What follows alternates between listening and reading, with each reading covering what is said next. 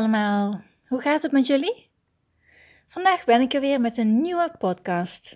Deze week is het Koningsdag geweest en voor mij was het een mooie dag om samen met familie te genieten van het mooie weer en alle vrijmarkten. En omdat de dag midden in de week viel, was het ook een beetje een gekke dag om vrij te zijn. Hadden jullie dat ook? Omdat ik de volgende dag ook weer gewoon moest werken, deed ik s'avonds rustig aan en luisterde ik naar een preek over geven en nemen. En het herinnerde mij eraan hoe mooi het is om niet alleen te ontvangen, maar om ook iets te geven. Iets dat niet altijd zo vanzelfsprekend is.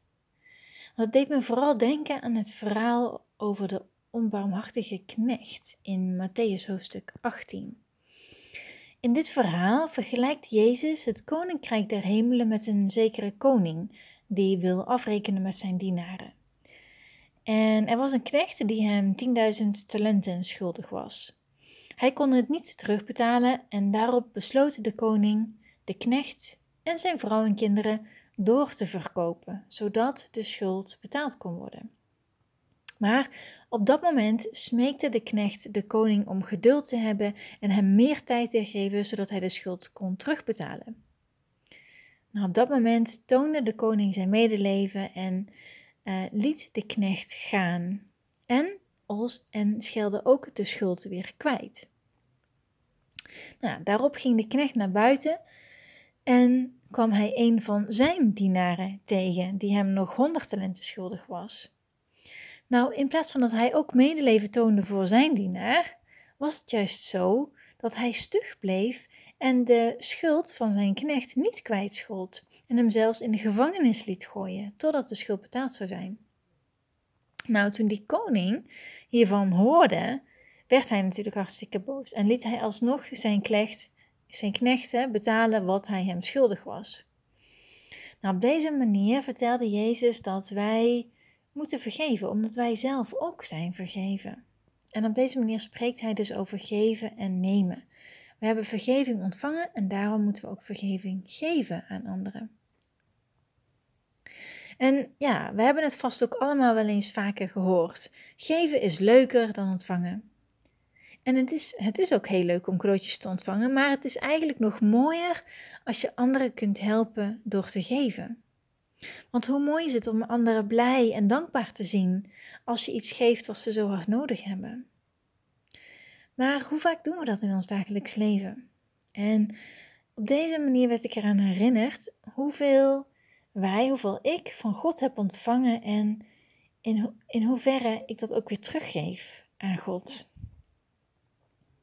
Ja, en eerlijk gezegd, als je erover nadenkt, dan is eigenlijk alles dat we hebben door God gegeven de aarde, de lucht die we inademen, de natuur om ons heen, de prachtige natuur, alles is door God gemaakt. Ook de kleding die we aan hebben, de plek waar we wonen, de mensen om ons heen, alles is door God aan ons gegeven. Er is eigenlijk ook niemand van ons die ook maar iets echt zelf heeft gemaakt van dit alles. En ook als je terugkijkt op je leven, dan zijn er zoveel momenten geweest waarbij God ons heeft geholpen. In de moeilijke tijden heeft Hij ons kracht gegeven, heeft ons geholpen en bovenal heeft Hij ons gered. In Jesaja hoofdstuk 49 vers 8 zegt het ook heel mooi. Daar staat, Zo zegt de Heere, in de tijd van het welbehagen heb ik u verhoord en op de dag van het hel heb ik u geholpen. Ik zal u beschermen en u geven tot een verbond voor het volk, om de aarde weer op te richten, om de verwoestende erfelijke bezittingen te ontvangen. Ja, God heeft ons geholpen in de moeilijke dagen en ook in de kleine dingetjes in ons dagelijks leven. En ik hoop dat als we daar zo over nadenken, over hoe God ons geholpen heeft, dat we onder de indruk zijn van God en ontzag hebben voor wat Hij allemaal voor ons heeft gedaan. Want er is niemand van ons die God niet heeft geholpen. Of mensen geloven of niet, God heeft iedereen geholpen. Ik vind dat apostel Paulus het heel mooi zegt in Romeinen hoofdstuk 12. Hierin geeft hij aan dat hij dankbaar is voor de redding die hij in Christus heeft ontvangen en dat hij nu niet meer wil leven volgens zijn eigen gedachten, maar wil leven samen met God, volgens Gods wil, om dus zo God te danken voor alles dat hij heeft ontvangen van God. Want hier realiseert apostel Paulus zich hoeveel hij van God heeft ontvangen. En daar is hij van onder de indruk. En hij besloot dus zijn leven te geven aan God, om zoiets terug te kunnen geven aan God en zoiets te kunnen doen voor God.